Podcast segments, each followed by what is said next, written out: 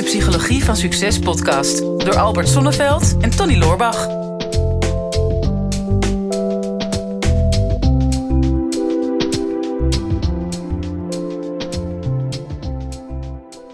Tony, ik ben echt heel benieuwd. Hè? Krijg je nou kansen of creëer je ze nou? Je krijgt altijd kansen. Ja. Tenminste, Johan Cruijff zei dat volgens mij over Oh. voetballen. Je krijgt Ja. altijd een kans. Ja. Dat is gewoon de wet. Dat is de wet. En als dat in het voetballen geldt, dan zal dat ook wel in het echte leven zo zijn. Voor Johan Cruijff geldt, dan, eh, dan kun je er wel van op aangaan, toch? Tenminste, ik weet niet zeker of hij dat zei. Maar iemand zei ooit, je krijgt altijd een kans. niet al, ik heb hem niet heel goed voorbereid, deze bron. Nee, nee, nou ja, goed. Ehm, maar we hebben wel een bron die die, Ja. die, eh, ja, die die vraag wel een soort van heeft, toch? Die is niet helemaal blij met het werk. En, Ja, een eh, vraag van Leon. ja. Hij zegt, eh, goedemiddag mannen, ik heb een vraag eh, voor de podcast. Hebben jullie tips over hoe om te gaan met als je wilt doorgroeien naar een hogere functie binnen je bedrijf, eh, maar er voortdu- voortdurend geen plekken vrijkomen op jouw beoogde functie? ja, Dus ja, dat is vervelend natuurlijk. Dan krijg je dus geen kans. Toch? nee. Of Nee, ja, ervan uit, nee. Ja, want ik weet niet. Ik heb, dat, ik heb vaak wel in organisaties meegemaakt dat mensen echt zwaar teleurgesteld waren. Dat ze soms jaren op een bepaalde functie hun oog hadden laten vallen. Zeg ik van nou, nog even en dan krijg ik die functie. Nou ja, Ehm, ja, en dan gaat een collega daarmee vandoor... die dan toch net een iets andere of betere beoordeling heeft. Ja, ik weet het niet. Het is natuurlijk per organisatie wel verschillend. Maar er, is, er zijn natuurlijk wel manieren waarop je jezelf... wat meer in de picture kunt gaan spelen. Eh, en zorgt dat je ja, een beeld hebt bij die functie. En vervolgens dan ook zoveel mogelijk daaraan gaat voldoen... alsof je hem al hebt. Ja. Volgens mij is Les Brown, een spreker, die zei ooit van je kan beter voorbereid zijn en geen kans hebben, dan wel een kans hebben en niet voorbereid zijn. Ja, Ja. Ja. Dus, dus je wil sowieso altijd, voordat je een kans krijgt, wil je in ieder geval jezelf al in een positie brengen dat als je hem krijgt. dat je er helemaal klaar voor bent. Ja.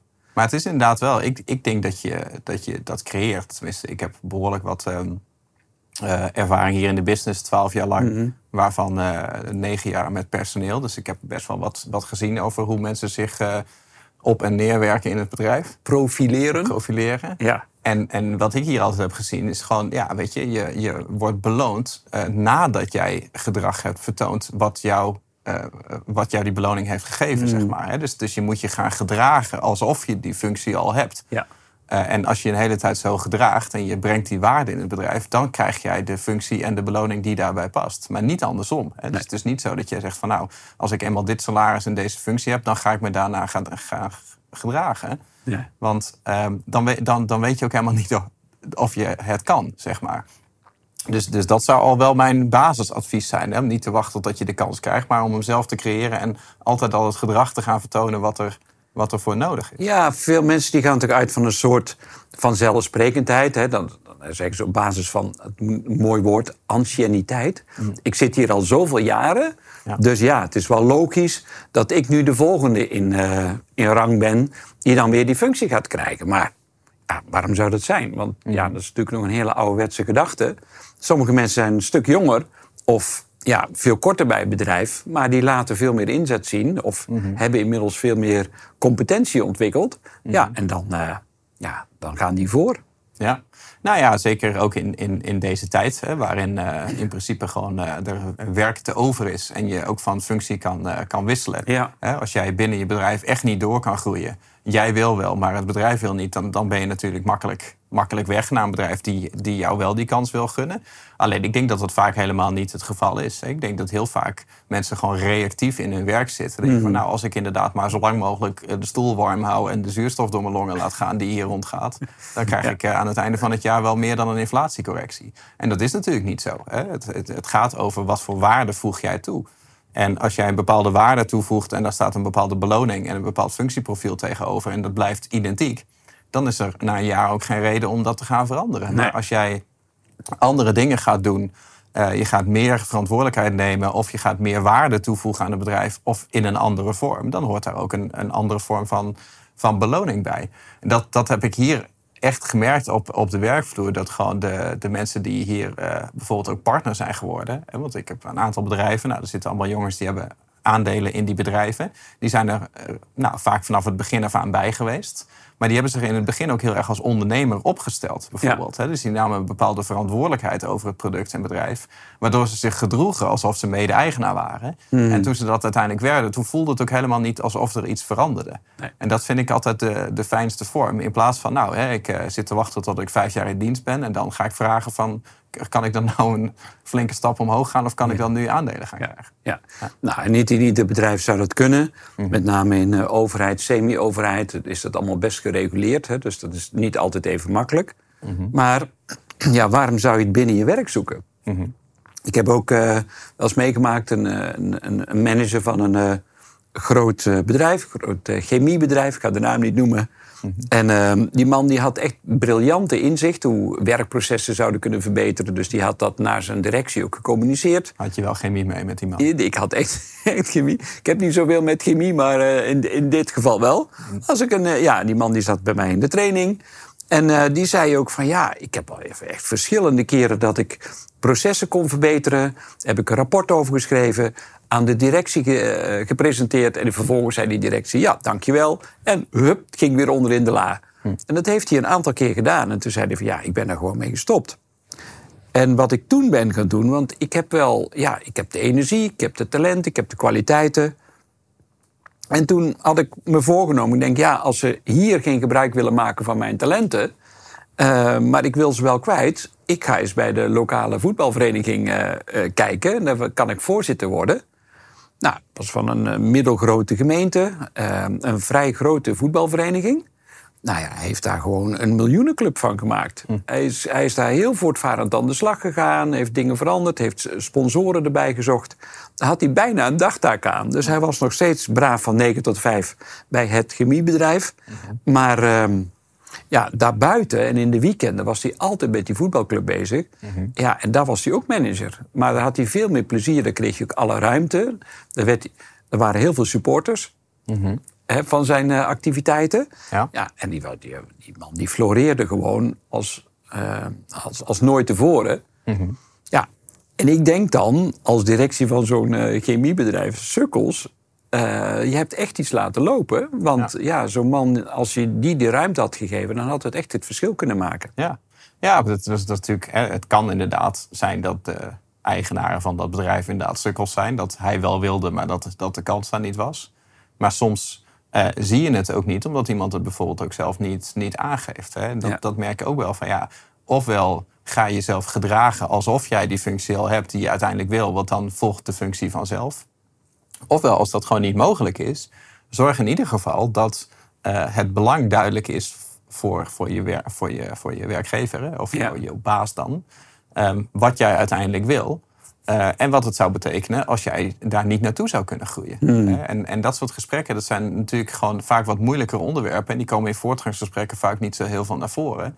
Is meestal is het gewoon reactief. Hè? Van nou, ik wacht wel totdat ik meer werk krijg. Ik wacht wel totdat ik meer beloond word en dan ga ik daar dan iets van vinden. Terwijl, net als bijvoorbeeld een gesprek over een functieverandering of een salarisverhoging, uh, in plaats van dat je alleen maar aangeeft van nou, ik ben hier nu zo en zo lang en ik heb mijn werk gedaan zoals moest. Ik heb ook geen kritiek gekregen, dus het zal wel goed zijn en daarom wil ik graag een salarisverhoging. Dat is natuurlijk een heel ander gesprek dan dat je binnenstapt en zegt van nou, ik wil, op termijn zou ik dit graag willen verdienen. Hmm. Ik weet niet of dat tot de mogelijkheden behoort, maar stel dat dat tot de mogelijkheden zou behoren, wat, wat zou ik daar dan voor moeten doen? Dat is een heel ander gesprek wat je voert. Hè? Van hoe zou mijn functie daar dan uit moeten zien? En dan geef je jouw, uh, je, je, je werkgever geef je ook een, um, uh, een, een, manier om, om, om, om, om daar een passend antwoord op te geven. Dan wordt het ook geen onderhandeling, maar dan kun je gewoon een eerlijk antwoord geven van ja, daar zou dit dan voor, voor de verwachting zijn. En als dat uh, bij je past en die ruimte die is er, dan kan je ook samen aan de slag gaan om daaraan te gaan werken. Of als blijkt van nou, die ruimte die is er niet, dan kan je ook gaan aangeven van nou, als dat dan niet mogelijk is, dan ga ik op termijn ergens kijken waar dat maar dat, dat wel, zou kunnen. Ja, Dat zijn natuurlijk heel ander soort gesprekken. Ja, nou ja, waar veel mensen tegenaan lopen, uh, is dat ze wel zeggen: ja, ik, ik, ik ben nu ongeveer wel uitgeleerd op deze functie. En want het gaat nooit over je werk. Het gaat altijd over dat wat werk je geeft. Mm -hmm. nou, de een die haalt er zekerheid uit hè, door maandelijks een salaris uh, binnen te harken. Nou, de ander die heeft zoiets van: ja, ik wil juist uh, uitdaging hebben op mijn werk. Maar op een gegeven moment kan die uitdaging ook een beetje uitgedoofd zijn. Dan, dan wordt het sleur. Nou, die sleur die kun je herkennen als je allemaal dezelfde gedragspatronen gaat vertonen. dus dan ga je naar je werk, maar je wil je auto al precies op die parkeerplaats zetten waar je hem altijd zet. En oh wee, die sukkel van een collega die zijn auto op jouw plek heeft gezet. Nou, als je daar dan al vanuit je plaat gaat, dan weet je al van nou, er begint een soort van zelfsprekendheid in te sluipen. Ja. Nou, dan slof je naar boven of je pakt de trap of de lift. Nou, dat doe je vaak op dezelfde manier. Je hangt je jas liefst op hetzelfde haakje, in dezelfde kast. En vervolgens slof je naar de koffieautomaat en dan zet je je computer aan. Ja, en daar zit al een bepaalde sleur in. Eh, tenminste, zo komt hij op mij over. Dat. Ja, Als je daar- aardig sleur. Ja. Als je daar nog eh, helemaal tevreden mee bent, prima. Maar als je dat op een gegeven moment constateert, maar je weet ook nog niet echt, en daar komt het volgende probleem. Ja, maar wat wil ik dan wel? Hè, ik, ik, ik voel dat al mijn, mijn six human needs, mijn, mijn basisbehoeften, die zijn hier wel vervuld geweest, maar nu niet meer. Eh, ja, ik mis de uitdaging of ik mis een bepaalde vorm van zekerheid, want de zoveelste reorganisatie komt er weer aan. Hè, mensen zeggen, ja, eh, ik heb geen teamgevoel meer of ik heb juist het gevoel dat ik niet voldoende word gewaardeerd. Ik leer niet voldoende meer of ik heb het gevoel dat ik geen bijdrage lever ja, dan, dan zit je een beetje ongelukkig in je, in je werk. En dan kun je wel denken van, oh, nog drie weken en dan is het weer vakantie. Ja, weet je, dan hobbel je daar naartoe. Maar verwacht niet dat die vakantie jouw werkprobleem gaat oplossen. Want als je terugkomt, dag één van je nieuwe werkdag na de vakantie... is het probleem nog weer eh, net zo evident als, als voor de vakantie. Ja. Dus hou op met eh, jezelf voor de gek houden. Maar als je niet weet wat je dan wel wil, ja, dan zul je dat moeten gaan onderzoeken. Nou, de eerste vraag is 's morgens in de spiegel de vraag stellen: wie ben ik echt? En met welke talenten zou ik het best tot mijn recht komen? Of waar ben ik eigenlijk voor op deze planeet? Welke unieke eigenschappen heb ik? Ehm, en als je die zelf niet kunt beantwoorden, dan ja, kun je dat ook vragen aan andere mensen. Of je kunt daar een jobcoach voor benaderen of iemand anders die daarin gespecialiseerd is. Maar ga dat wel doen. Hè? Want iedere dag dat je langer op je werk zit en je bent niet gelukkig... en alleen maar zit vanwege het salaris... ja, dan... Ja, die, ja, ik weet niet hoe het in jouw leven gaat, maar mijn weken die vliegen voorbij. En dan denk ik zoiets, ja, dat, dat, je wil niet op het eind van je leven erachter komen dat je een heleboel dingen niet hebt gedaan. Dan kun je dat boek weer gaan lezen, The Five Regrets of the Dying. Ja, klopt, ja. Ja, Ja, en, en soms kan het wel in je werk zitten. hè. Kijk, ik heb, ik heb in mijn hele leven dan afgezien van vakken vullen. En dan, eh, ik heb ook nog in een familiebedrijfje gewerkt, evenementenbureau. Maar daar, daarna eigenlijk maar één baan gehad voordat ik ondernemer werd. En die baan die, die kwam voort uit eh, een stagetraject. Ik weet nog toen ik met die stage begon. Ik vond het echt, ik vond het echt zo vreselijk. Dat Ja. om dan 40 uur per week daar op kantoor te zitten. Het interesseerde me niet. Dus ik had, ik had een, een afteller. Toen werkte ik al met eh, aftellers. had ik op mijn bureaublad van mijn computer. En ik had dan één afteller voor elke dag hoe lang de dag duurde. nee man. Liep af. En ik had één teller totaal voor hoe lang de stage nog duurde. En ik Ah. ging dat dus echt gewoon vanaf de eerste of nou, tweede week, denk ik, dat ik, dat ik denk van ja, ik vind het gewoon niet zo leuk. Zat ik gewoon elke ochtend, zet ik dat ding aan en denk, nou, nog acht uur. En dan zat ik een beetje naar die teller te kijken. En ik vond het echt zo vreselijk. En dan merk je gewoon van, nou, ik zit hier niet op, eh, niet op mijn plek. Maar Ja. toch, eh, we zijn nu meer dan 15 jaar verder. En ik zit nog steeds in hetzelfde vak als waar ik, waar ik Hmm. toen begon. Dus het, het hoeft helemaal niet aan het bedrijf of aan het, aan het vak te liggen. Maar, maar het is gewoon dat je zelf niet weet van wat jou gelukkig maakt. Hè? Of dat je niet een proactieve rol aanneemt om gewoon ehm, zelf dingen te gaan creëren binnen zo'n bedrijf. Of, of, nou ja, of letterlijk eh, entrepreneurship. Hè? Dus, dus ga ondernemen binnen het bedrijf om dat, datgene te doen waar jij uiteindelijk gelukkig van wordt. Daarvoor moet je inderdaad wel eerst weten wat jou, wat jou gelukkig maakt. Ja. ja, ik zit ook al eh, 27 jaar bij dezelfde baas. Ja. en ik, ja, ik moet je zeggen, het is. ehm, ja, weer, het is niet het werk, maar je kunt je werk altijd op een bepaalde manier weer anders inkleuren ook. En dat vraagt in eerste instantie ehm, kijken naar jezelf. Waar word ik blij van? Eh, vervolgens kun je ook je omgeving eh, vragen. Zeg van ja, wanneer zie je me ja, blij worden? Wanneer krijg ik sprankelingen in mijn ogen? Eh, wanneer word ik enthousiast? En een van de belangrijkste vragen is altijd weer: waar ben ik nieuwsgierig naar? Eh, die nieuwsgierigheid die is, die werkt als een soort magneet om te gaan ontdekken wat nou werkelijk bij je past. Want het is niet toevallig dat je naar bepaalde dingen wel nieuwsgierig bent en naar andere niet. Als je zegt van ja, ik ben nu in één keer heel nieuwsgierig geworden naar kookboeken. Ja, dan, dan is dat eh, geen toeval. Hè? Want anders was je wel eh, met visvijvers bezig, weet ik veel wat. Of met uh, klusboeken. nee, als dat kookboek in één keer interesse heeft voor jou... en je wil daar steeds meer over lezen... en je wil daar kookprogramma's gaan volgen... en je gaat zelf experimenteren daarmee... dan zou een volgende stap kunnen zijn... ja, misschien wel heel leuk om een keer een alleenstaande persoon uit de buurt uit te nodigen... om daar een keer voor te koken en een kookclubje te gaan beginnen... En de volgende stap zou kunnen zijn, dan zeg van nou, als ik dat dan leuk vind, nou, dan ga ik dat ook eens doen, maar dan betaald. Mhm. Misschien ga ik een catering beginnen. En zo is iets vanuit een vonk, is een, is een vlam geworden en dat wordt vuur. En dat is verwarmen, dat zijn de vier stappen die ik altijd gebruik. Mhm. Om uiteindelijk steeds meer te komen in, ja, hoe, hoe, hoe, ga ik dat nou precies doen? Hoe creëer ik mijn dromen? Hoe, mhm. hoe zorg ik er nou voor dat ik kansen krijg? En Precies, daarom, ik stelde de vraag van krijg je kansen of neem je ze? Ik denk dat het allebei is. Hè. Ik mhm. denk dat er voortdurend kansen voorbij komen ook. Maar omdat je vaak zo in je eigen stramien zit, mhm. dan zie je ze niet. het is, uh, dat is het... Uh, ken je die, die, uh, dat verhaal van die bisschop van Antwerpen? Nee. Dat is echt, ja, daar gaat hier een beetje over, over mhm. kansen die voorbij komen. Nou, die bisschop van Antwerpen die wilde heel graag bewijzen dat God bestaat. En um, nou ja, hij, hij, had een uniek uh, marketingplan bedacht. Hij denkt, uh, ik ga lekker wat uh, publiek aantrekken. Dus hij ging bij App in, op de Schelde ging hij op een zandbank staan. En ehm, hij zei, ik ga bewijzen dat God bestaat. Maar het water, de vloed begon al een beetje te komen. Dus hij stond ongeveer tot aan zijn heupen in het water. En er kwamen steeds meer mensen. Dus dat werkte al. En filmploegen kwamen erbij. Mm. En ja, het werd, werd, ook wel een beetje dreigend inmiddels. En toen kwam er een roeibootje voorbij en zegt... ja, bisschop, het is leuk, hè, je hebt je punt gemaakt, stap maar in. Mhm. Want uh, ja, uh, als je hier langer blijft staan, dan verdrink je. Maar ja, die bisschop werd alleen maar fanatieker. Dus op een gegeven moment stond het water letterlijk aan zijn keel al. En uh, hij stond daar heel druk te oreren en had zoiets van... ja, ik laat zien dat God bestaat en de kerken moeten weer vol... Er kwam er weer uh, kwam er een eh, rubberbootje voorbij. Zegt, ja, bisschop, heel eerlijk, maar het wordt nu echt wel gevaarlijk. Stap nu in, want je gaat mhm. daar ook verdrinken. Hij, hij ging alleen maar door. Nou, en toen stond het water aan zijn neus. En er kwam weer een bootje voorbij, een sleepbootje, en zegt: uh, Goh, bisschop, stap nu in, want je gaat zo verdrinken. En hij. Dus hij werd alleen maar fanatieker. En uh, hij verdronk. En hij komt boven in de hemel en hij, voor het eerst van zijn leven vloekt hij. En hij was echt ontzettend boos op God. En hij zegt, God, hij zegt, dit was zo'n mooie kans geweest om promotie te maken. Mhm. Ehm, maar waarom heb je me niet uh, dat laten zien? Mhm. en, en jij had toch kunnen laten zien dat, ik, dat je me wilde redden?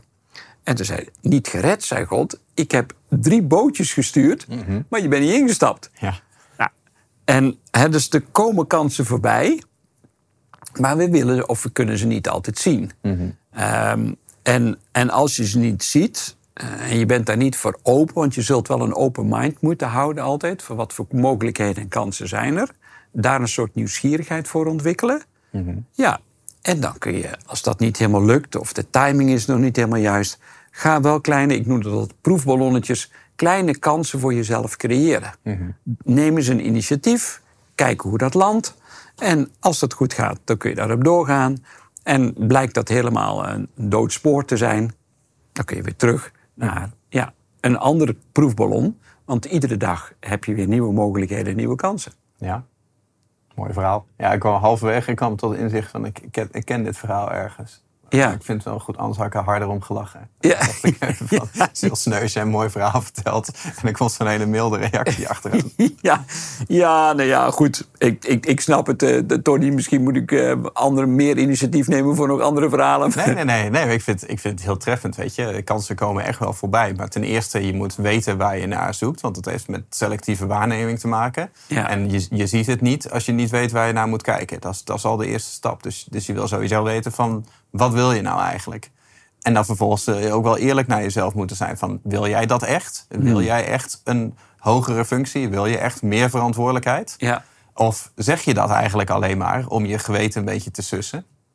En de mening van anderen. Maar zit je eigenlijk heel comfortabel op je eigen plek? Want het is natuurlijk heel veilig om in die sleur die jij beschrijft... gewoon lekker op je veilige haventje te zitten en denken... nou, hè, ik, eh, de boel, de boel, ik heb mijn salaris, ik heb mijn streep hier verdiend... En uh, mijn werk is nu gewoon mijn werk. Of misschien zelfs minder dan dat. En ik oreer wel dat ik verder wil. Maar ik zal geen stap harder lopen om daar per ongeluk mee in de buurt te komen. En als de kans er is, dan draai ik hem vakkundig de nek om. Die groep is ook heel groot. Dus, Ja. dus je zult heel eerlijk naar jezelf moeten zijn. Wil je dat dan daadwerkelijk? En als je weet wat je wil. En, en je weet ook zeker dat je het wil. Dan is het vervolgens de stap uit het reactieve. Hè? Ga dan niet wachten totdat de functie vrijkomt. Of totdat je de ruimte krijgt van, van je werk of je werkgever of wie dan ook om datgene te gaan doen wat jij wil. Want dan zit je nog steeds in met een mindset van ik, ik kom dan iets nemen. Hè? Het wordt mij gegund om, om dit te gaan doen. Terwijl um, ik zou kijken naar wat kan ik komen brengen. Ja. Hè? Dus als jij iets voor je ziet waarvan je denkt van nou ik kan meer betekenen, ik kan meer verantwoordelijkheid nemen of ik kan misschien hetzelfde, dezelfde waarde leveren maar in een hele andere vorm. Ga dat gedrag dan vertonen en ga het bewijzen. Desnoods even tijdelijk door wat harder te lopen en door wat extra uren erbij te trekken, wat normaal gesproken jouw avonduren of je privéuren waren. Mm. Om jezelf proactief te ontwikkelen en te laten zien van nou, dit kan ik waard zijn. En Ja. als ik die ruimte hier niet krijg, dan ben ik genoodzaakt om dan die ruimte ergens anders te gaan zoeken. Ja. Nou, en dan, uh, ja, dan heb je best wel een redelijk gericht carrièrepad. Ja, mooi. Nou, weet je nou echt helemaal niet uh, wat de volgende stap wordt in je leven? En denk zoiets van, ja, ik zit, zit, hier bevroren, maar ik weet niet echt welke kant dat ik op wil. Trouwens, ik geloof iets van 60% van alle mensen die werk hebben, zo wordt dat dan genoemd, die zijn, zitten deep frozen. Mm -hmm. Ze zitten gewoon, ja, die, die zitten wel oké, okay, maar zijn niet echt gelukkig. Dus dat is, dat is eigenlijk heel ineffectief en improductief ook, helaas. Maar goed, dat is even een ander verhaal. Maar wil je daar nou uit? Ja, we zijn de, de laatste weken zijn we echt wel bezig met cadeautjes geven. Ja, ja. ja dat is echt En ik merk, ja, ik merk aan de reacties van mensen dat dat echt wordt gewaardeerd. Dus ik denk, ja, laten we eens gek doen. Want ja, ik heb in mijn verleden heb ik zoveel e-boeken geschreven. Mm. En dit is ook weer zo'n e-book wat hier wel heel goed bij aansluit. Mm -hmm. En dat heet 35 vragen om je passie te ontdekken. Het is wel veel werk. Ja, dat is werk. Ja, dat, dat, dat is, daar heb je echt wel een bijbaan aan. Het is niet zo dat je dan één van de 35 kan kiezen om je passie te ontdekken. Absoluut niet. Alle 35 man. Alle 35. En die, die 35 zijn ook nog weer een soort van onderverdeeld. Hmm. Uh, dus je moet echt wel aan de bak. Hè? Dus je moet echt wel een soort uh, regenachtige zondag uh, daarvoor reserveren. Mhm. Mm -hmm. Maar als je eerlijk die antwoorden kunt geven... en er wordt ook feedback uit de omgeving daarop gevraagd... dan ga je echt heel veel duidelijker krijgen wat jouw werkelijke passie nou is. 35 vragen die je passie, om je passie te ontdekken. Hebben we in een e-book staan. Mm -hmm. En ja, een e-book in dit geval, want normaal vraag ik er altijd geld voor... vragen wij er geld voor. Maar hier komt het magische Nederlandse woord gratis. Ja, dat, is een, dat, dat, is een lekker woord. Ja, dat is een lekker woord, hè? Ja. Gratis. Er zit geen... Er is geen addertje onder het gras. Dus gewoon, wij vinden het leuk om dingen cadeau te doen. We zijn zo blij met zoveel trouwe luisteraars. Je zei het al, 3,1 miljoen downloads. Meer dan, wat zijn het? Bijna 20.000 vaste luisteraars per week. Ja, weet niet precies. Ja. Veel, heel veel. Heel veel. Nou ja, en dat is leuk. En wat wij nou heel graag willen is wat meer interactie. Mm -hmm. uh, want we zijn natuurlijk al bijna drie jaar met onze podcast aan het zenden. Maar we vinden het ook leuk om in contact met jou te komen. Nou, een van die manieren is door het boek, het, down, uh, het e-book te downloaden. En waar vind je dat? Trouwe podcastluisteraar op het YouTube-kanaal. Dat hebben we ook. Nou, als je nou onder onze YouTube, onder deze YouTube gaat kijken, daar staat een linkje. Als je daarop klikt, we doen het maar even heel simpel, Mhm. mm -hmm. ja, dan kom je zomaar in bezit van het gratis e-book 35 vragen om je passie te ontdekken. Nou, en dan zijn wij natuurlijk super benieuwd wat je met die passie gaat doen. Laat het ons weten. En misschien kun je sowieso een comment achterlaten om uh, ons in ieder geval de feedback te geven wat je van deze podcast vindt. Dit is de Psychologie van Succes podcast door Albert Sonneveld en Tony Loorbach.